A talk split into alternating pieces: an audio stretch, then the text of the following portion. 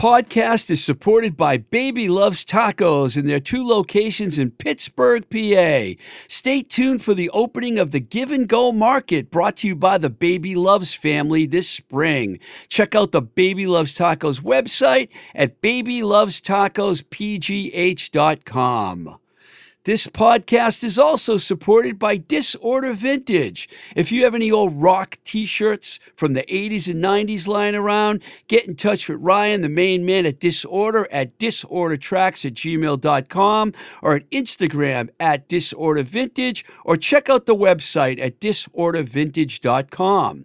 Disorder Vintage is also hosting The Faded Show on May 28th in Providence, Rhode Island. For more info on The Faded Show, check out fadedshow.com or at Faded Show on Instagram. Renowned artists Joey Morris, Sean Taggart, and Joe Perez will be in the house for that event. That's one you don't want to miss. Welcome to Blowing Smoke with Twisted Rico. I'm your host, Steve Ricardo. It's good to be back in Somerville here at Voice Motel. And man, was I happy that the Diesel Cafe in Davis Square is open again. And I mean open. I mean open. You can walk in the doors. There's tables, chairs, booths, arts on the wall. They even have an ice cream booth set up, which I can't even, it just blew my mind when I saw it, an ice cream booth.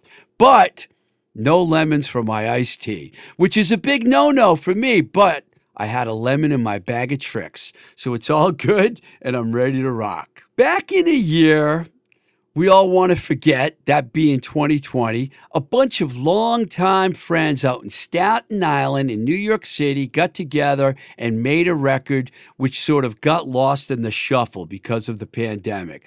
The band Downtown Phantom consists of Tommy Price, a stellar drummer who has played on some iconic records with Billy Idol and Patty Smyth from Scandal, and spent almost 30 years as the hard hitting drummer of Joan Jett and the Blackhearts.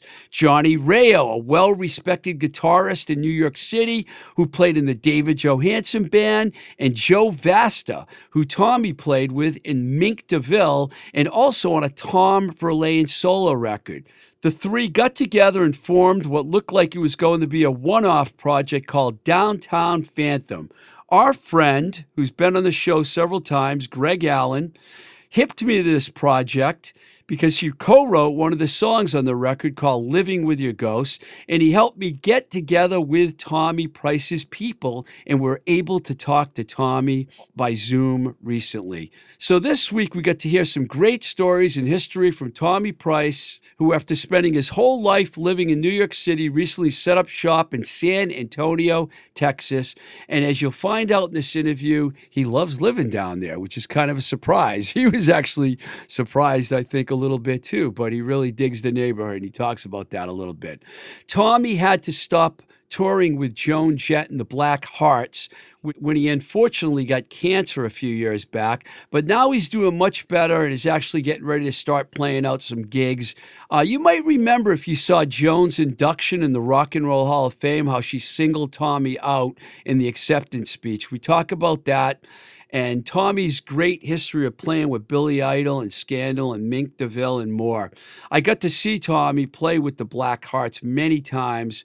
Uh, one of the great American bands for sure. Two shows I remember clearly. One was at the Boathouse, a great club in Norfolk, Virginia. I, I remember going down there to meet with a band called the Waxing Poetics, and we had passes for the Blackheart show. It was great. I was standing in the hallway next to the stage, and Joan walked right by me. We said hi to each other. That was pretty cool.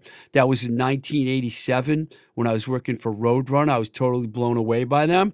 The other time I remember seeing them, and I did see them many times, was at the Midtown Music Festival, a yearly event down in Atlanta, Georgia.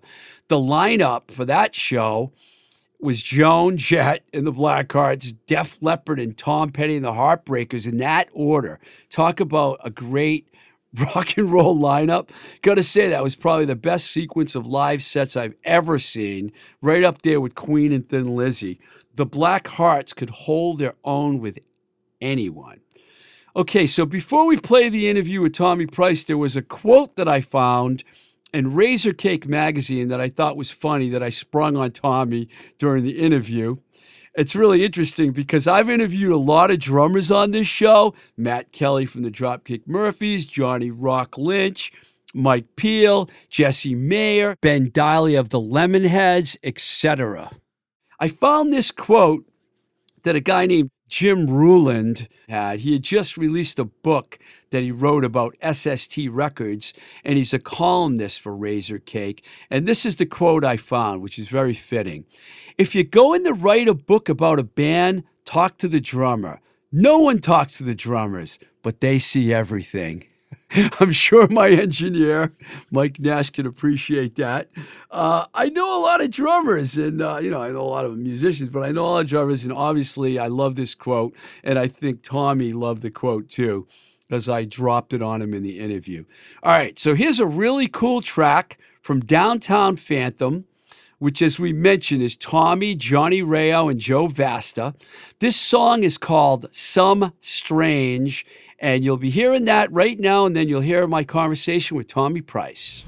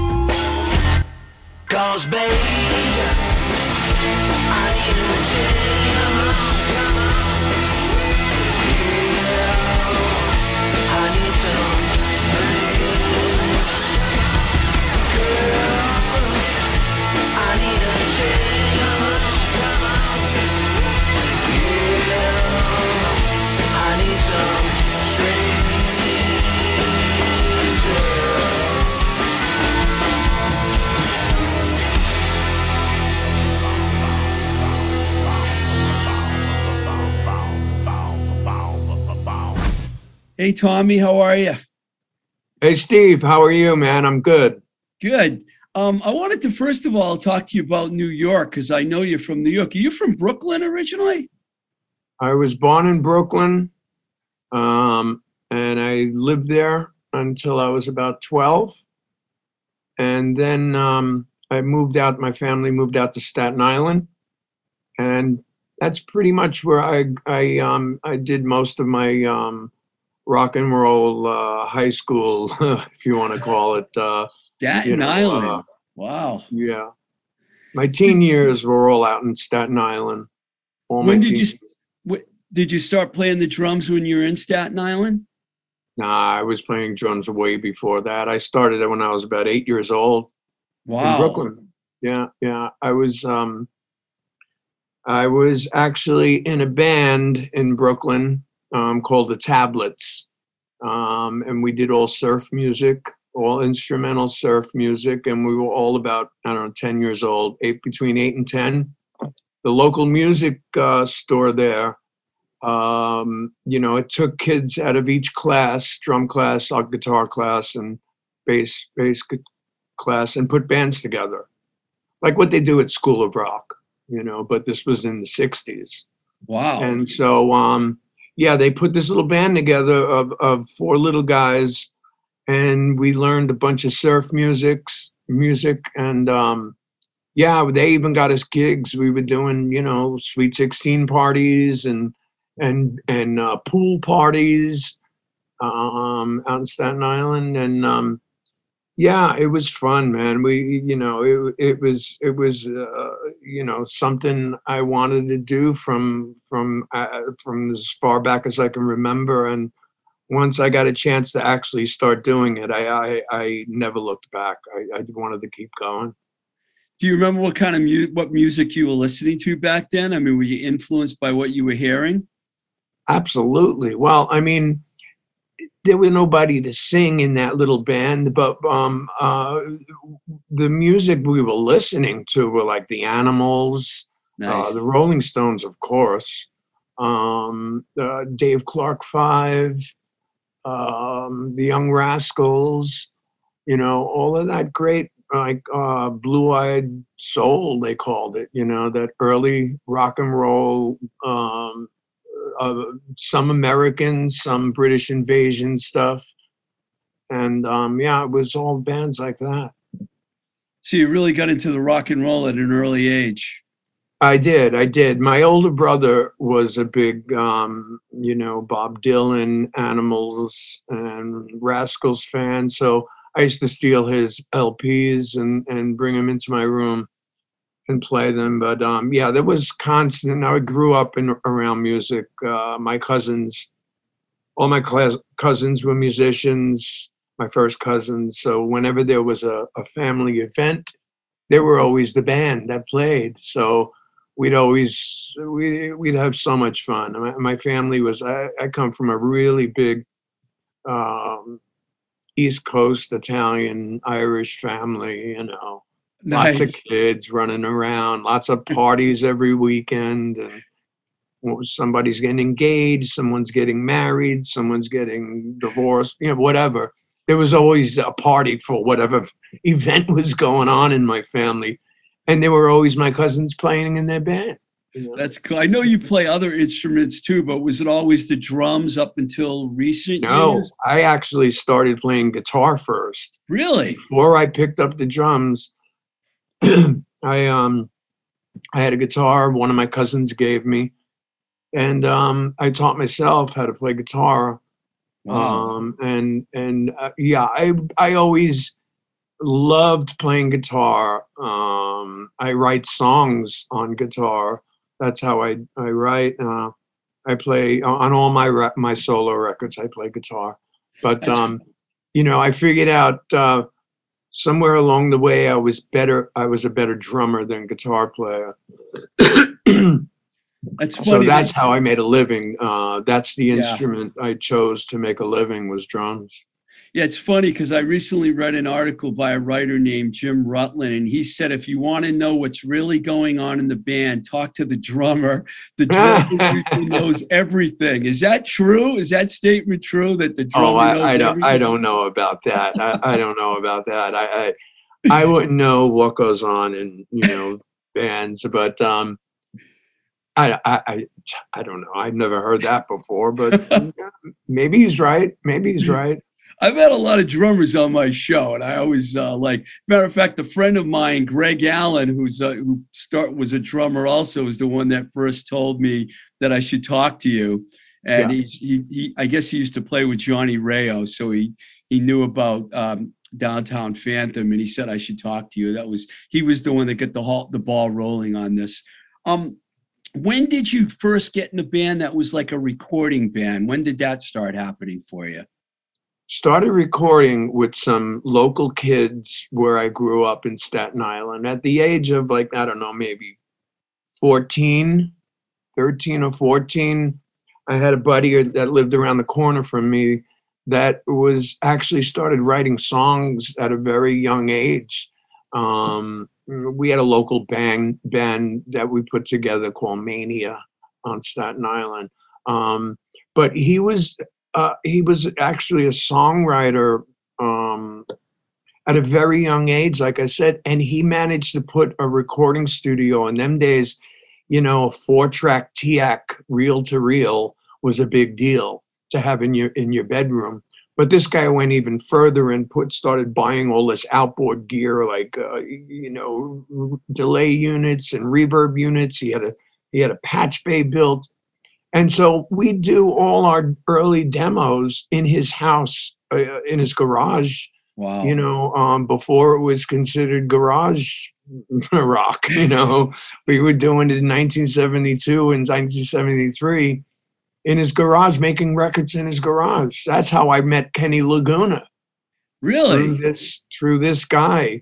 Um, this guy that I was playing with, Joe Maury, his name is, and um, he was he got signed to Leber-Krebs Management, um, that managed um, Aerosmith and Ted Nugent, all them bands, and um, so Kenny Laguna was sharing office space. He had just gotten Joan Jett on his roster, and um, he was working with her.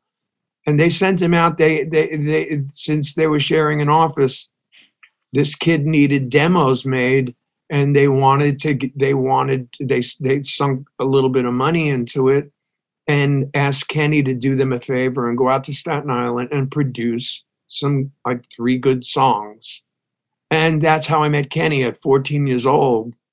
You know, uh, Kenny. Laguna walks in and he's a producer, and I, that's that's my uh, that was the beginning of uh, making starting to record records. Was at 14.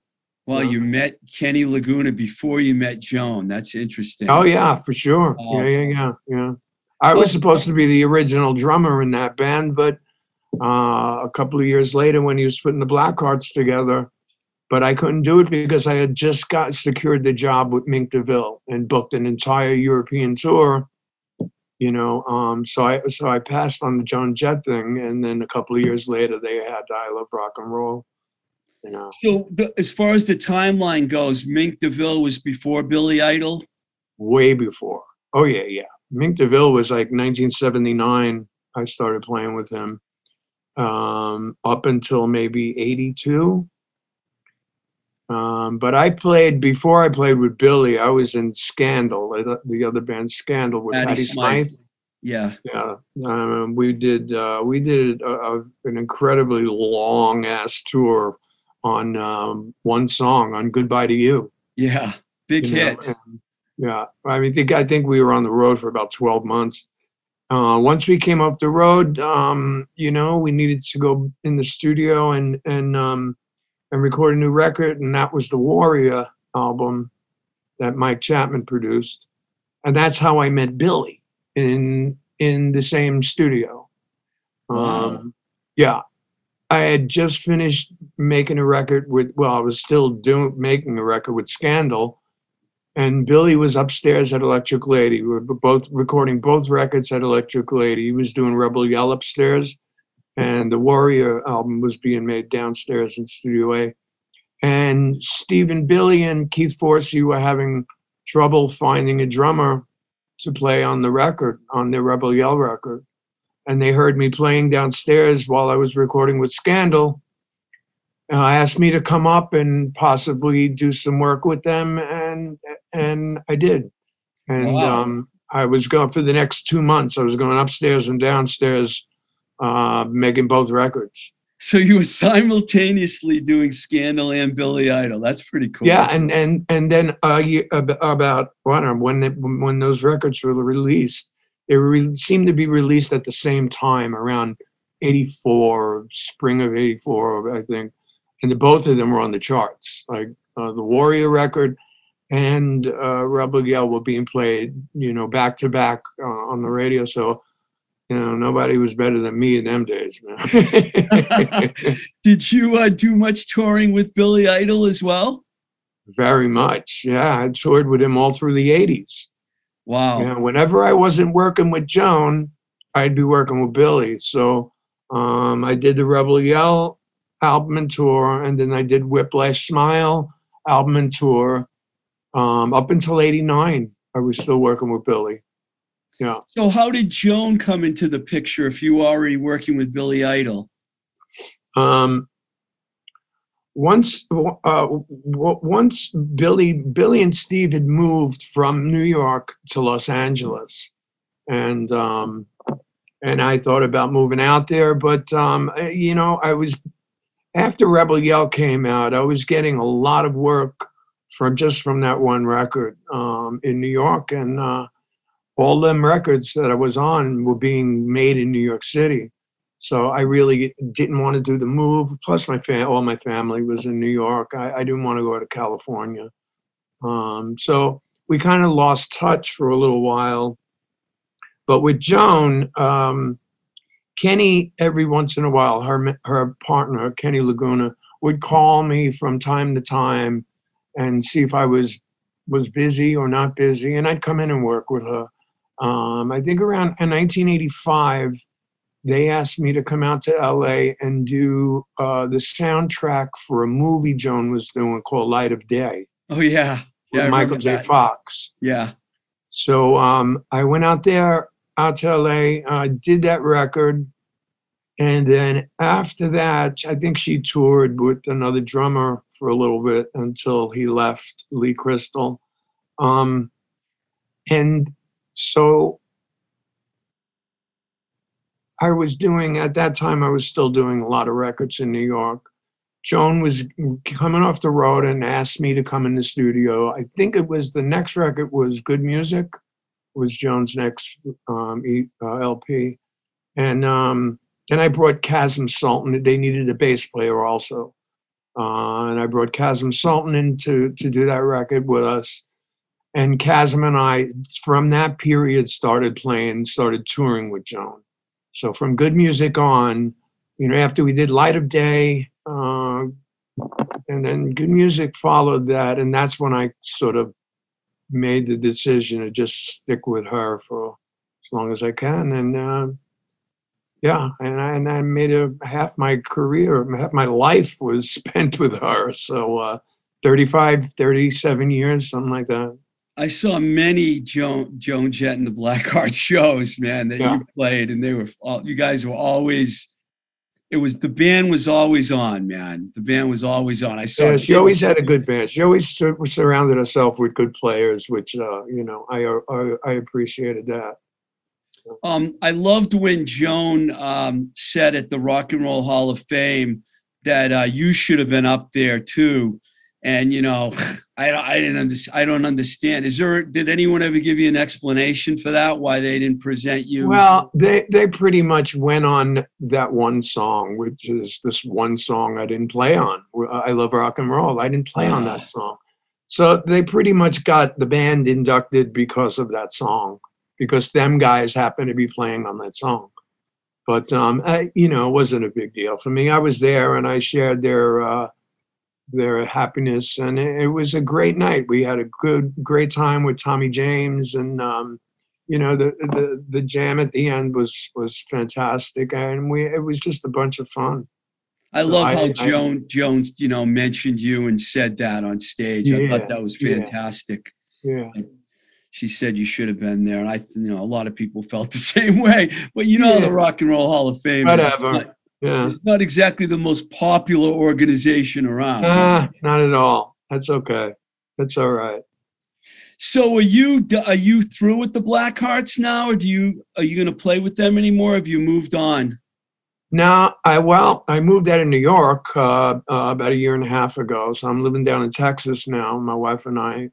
Um, so uh, the last record I did with Joan was um, she had me play on the um, Wanda Jackson record that she co- that she co-produced, um, and um, yeah, I could I had to stop touring. The reason why I stopped touring with them five years ago was because um, I, I had gotten cancer. Oh, I'm sorry, I didn't know that. Yeah, I mean, I'm I'm six years cancer free now, but at the time, it took me off the road. It, my doctors wouldn't, you know, it was impossible because I needed surgery. I needed to go through, you know, half a year of treatment, all that stuff that you do when when when you get cancer, and um, and so it took me out of the picture. And then once I um, moved here, um, I started discovering new music, and I I opened my ears to stuff that I that I neglected to do years ago, and that's the great stuff coming out of Nashville and Austin. You know, the new records being made there is just really beautiful. It's it's a it's a combination of country and pop and rock and roll, and it's just a big, great sounding you know stuff that i, I want to get into i want to i want to be more of a part of that uh, maybe produce some records uh, but i'm doing i'm doing stuff for my home now. I put in a studio here in, in my house and i'm doing remote drum tracks from my house. That's what my website is all about that i was we talked about before. Um, you know i had the, the great people at uh, electro voice um, microphones set me up with the whole mic'd up kit and um, got some new gear here and uh, uh, yeah and i'm digging it so we already done uh, a couple of projects here already and uh, we've gotten good some good results So is it, has it been easy to adapt being a New Yorker and living in Texas? Actually, it's been real easy for me. I don't know why. I mean, you would think a guy like me, I, I, I, I you know, if if I, if someone would have told me five, six years ago, uh, well, two years ago, that I'd be living in Texas, I would have said, "You're fucking nuts." You know, I, I, I, I was a real bug, man. I, I was a cock, New York cockroach. There was no way I was going to leave that place. You know, I used to say when I when I toured and left all the time that um, you know, I, I like leaving, but I love coming home. You know, once I saw that skyline, every time the, that plane would would we'd come into LaGuardia, man, I, I knew I was home. You know, it was just a warm blanket over me. It was beautiful. But yeah, I, I found it pretty pretty easy, man. I you know, um, I think living in, in New York apartments all my life, you know, um, once I got here, I had a little bit more space and I felt like a king. I saw a video that you posted on your YouTube page, and you were like all excited about your neighborhood and everything. It seemed like you you you liked being having a little more space, you know. Well, yeah, man. You know, I grew up in, geez, you know, and even in Brooklyn, a two bedroom apartment, and then all my life living in in in Gramercy Park or the East Village. It was always one and two bedroom apartments, so Yeah. you you had to you had to make the best out of it. I never lived in a house before, and now all of a sudden I have all this space and. I managed to fill it up pretty good though while I've been here, man. I bought a motorcycle and I managed to get all my drum kits that were scattered all over New York in different storage spaces, all brought here, and they're all in the same spot now. Wow, And I'm happy that must feel that. good.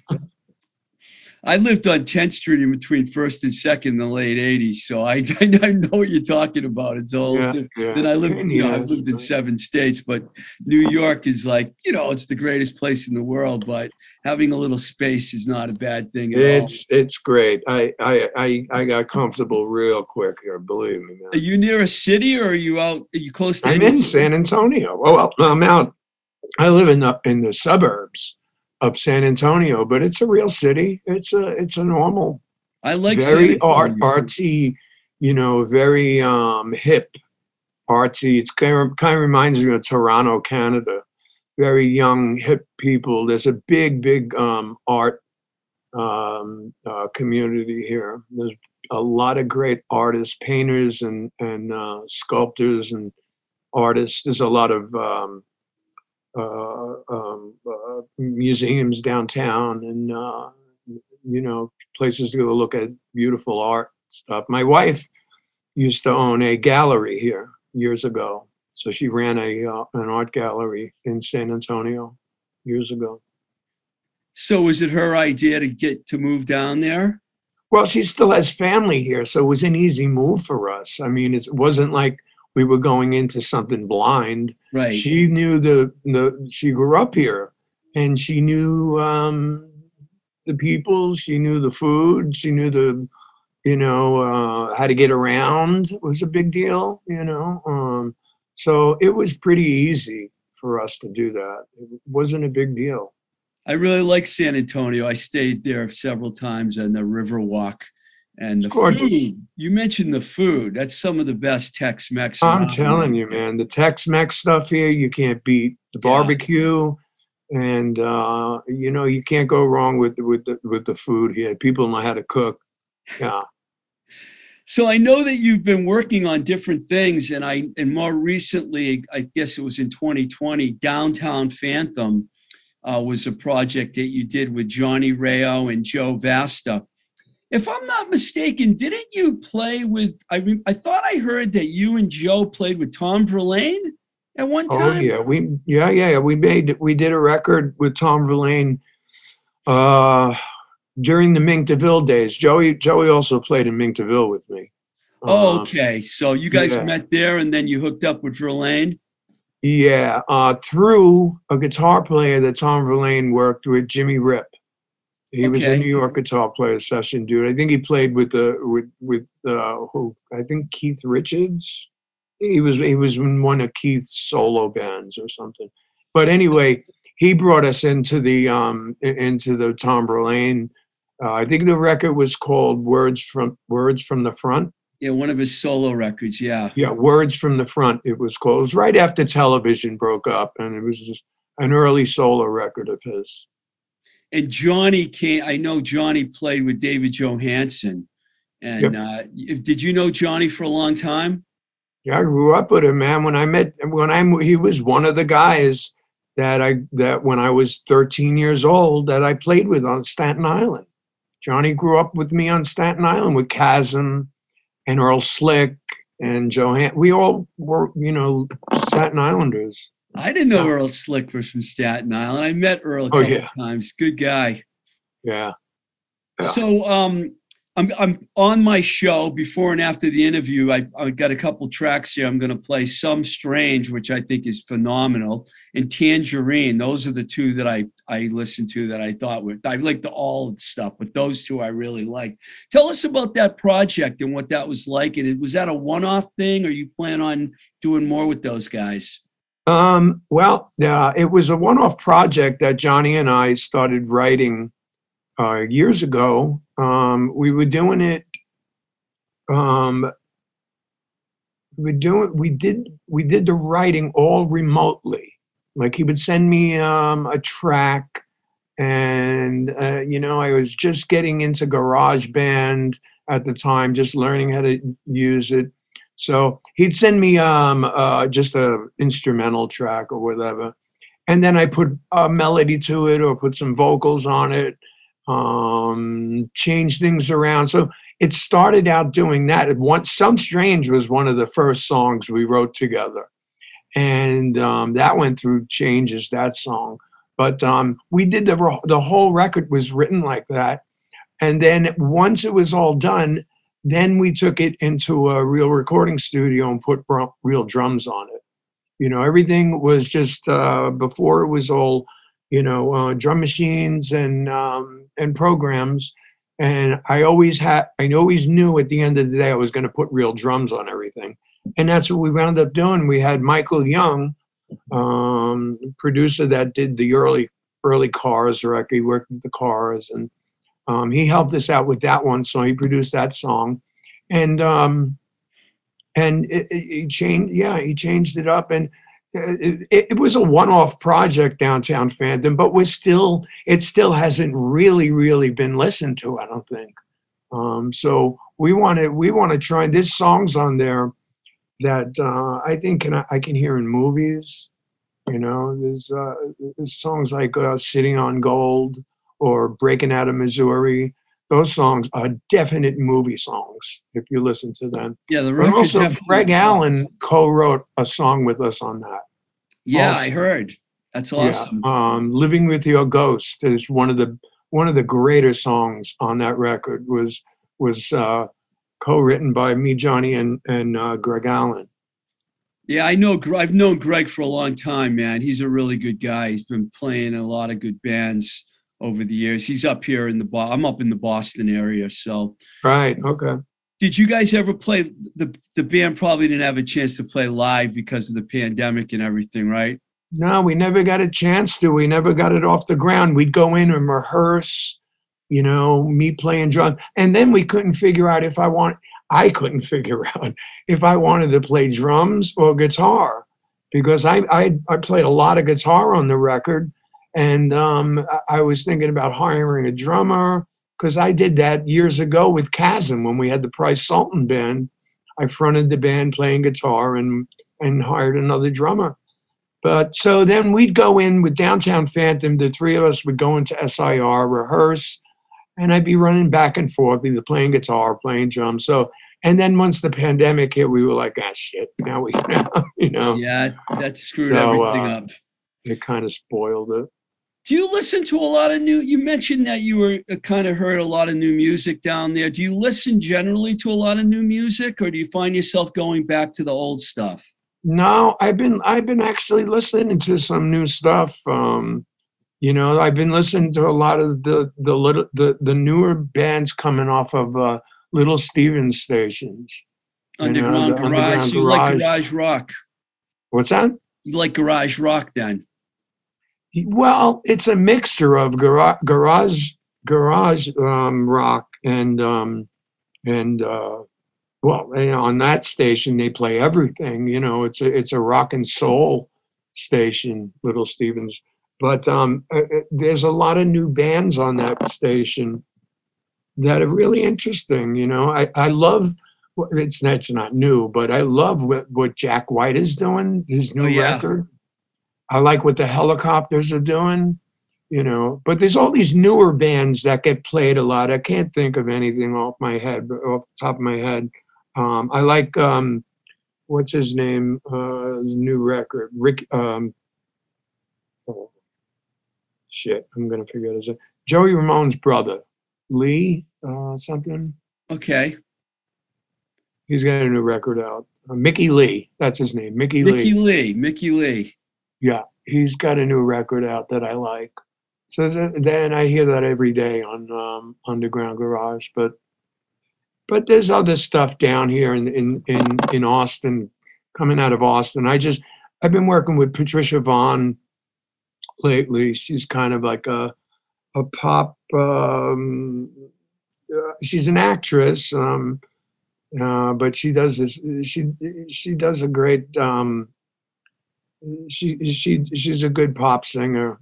Uh, writes some great great music. I just played on a Christmas album with her uh, this past Christmas.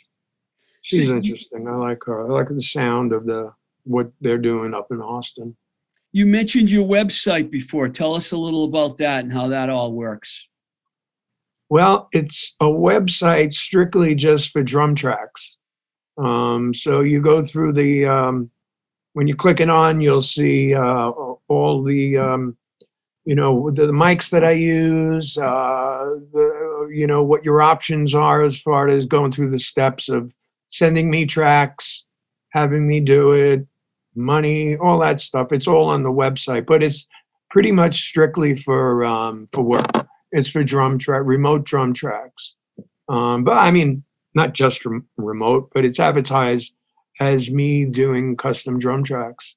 I That's mean, I can you know, I can certainly travel to do drum track tracks too, but um, it's strictly uh, a uh, a work site for me. That's great. So that's your main thing right now that you're doing, along with creating. That's my new main thing, and um, and I'm I'm I'm making yeah I'm making records here. You know, I'm I'm uh, I found a couple of produce local producers I've been I've been working with. Uh, so they got me playing doing records up in Austin. They hire me to do different things. I'm doing the I'm just got uh, set up to do the new Mickey Gilley record. Wow, interesting. so that ought to be fun.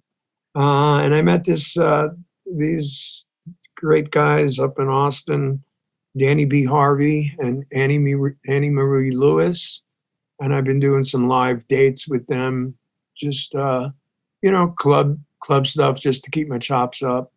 But it's it's great. I love it, man. It's uh, it's a lot of fun. After not playing for, you know, after my whole cancer thing, and then going through uh, the move and then the pandemic, I actually haven't been out playing for five, six years.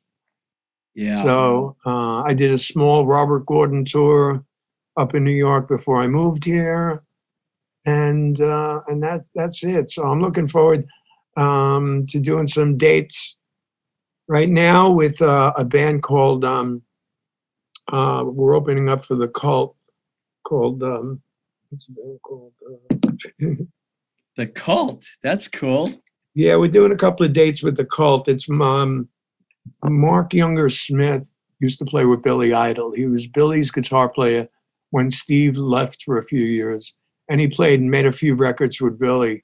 He's got a band that he lives in Austin. He's got a band here, and um, it's called Broken Things. The name of the band. So we're doing two. We're opening up for the Cult uh, next month here. In fact, uh, around Tech, we're doing some of the Texas states, and uh, that ought to be fun. So that'll really be the the first time I'm, I'm in front of a proper crowd. You know, uh, that that I was used to. Uh, one last thing I got I want to ask you before you go. Were there any like drummers? I'll just say drummers because you're mostly famous for being a drummer that you look up to that you think are great drummers that influenced you or that you've adored over the years. Um, well, I grew up. The drummers I, I uh, that in, that inspired me growing growing up was um, drummers like Dino Danelli from the Young Rascals. Oh yeah. He was a New York guy. Um, Mitch Mitchell from Jimi Hendrix's Mhm. band would absolutely inspired me, and of course Keith Moon and John Bonham. You know, uh, those were the those were my four guys that uh, I got all my soul from Dino. I got my my fills from Keith, and I got my solidness from Bonham. That's You know, awesome. yeah. And maybe a little craziness from Keith Moon too. Well, the fills, the crazy fills, the, Yeah. the the madman fills was was the Keith stuff. Yeah, yeah. well, hey Tommy, thanks a lot, man, for taking the time to talk to us, man. I really appreciate it. Great, Stephen. Make sure you play that Downtown Phantom record, man. I am. I'm gonna play a couple tracks on this show. You'll hear it on the show. Fantastic, brother. Good luck to you, man. Thank you. All right, thanks, Steve-O.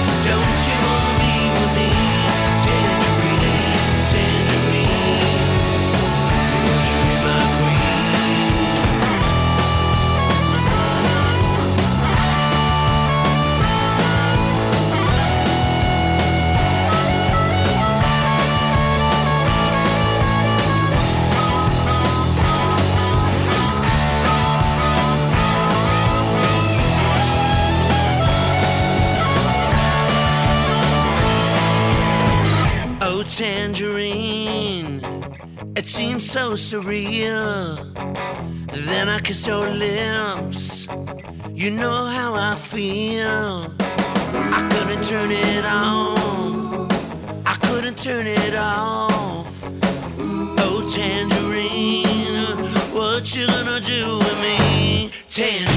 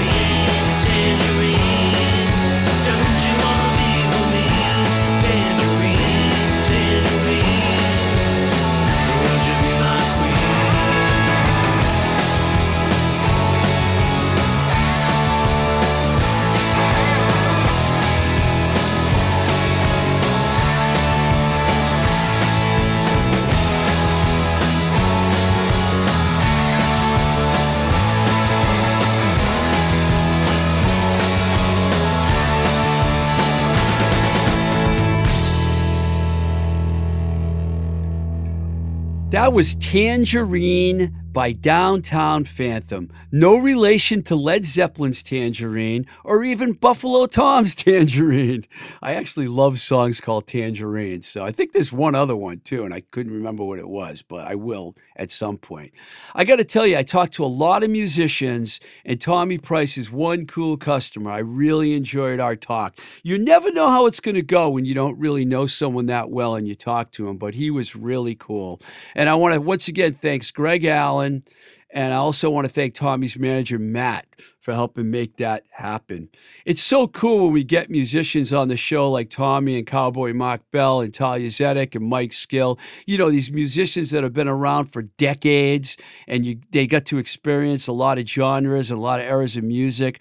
I'm not saying it's ever going to be that good again. Well, you know, maybe I am, but it was pretty good, at least up until the late 90s. Uh, but there have been a lot of great bands since then. But the bands that paved the way will always be the true pioneers of rock and roll. And that's what I mean uh, when I say having people like that on the show is always fun. You know, in a way, that's why I'm here doing this podcast to remind you all of all the good music we've had over the years. And of course, uh, you know, keep you up on new music as well. If you really enjoy listening to this podcast, you can keep us going and head over to our Patreon page at patreon.com forward slash twisted rico and you can support us there. You can also do the same on Anchor, anchor.fm forward slash blowing smoke tr. And please drop me a line or send me music at twistedrico at gmail.com. Thank you very much for listening to the show. Until the next time we say goodbye, this is Blowing Smoke with Twisted Rico. I'm your host, Steve Ricardo. Keep the rock and roll alive.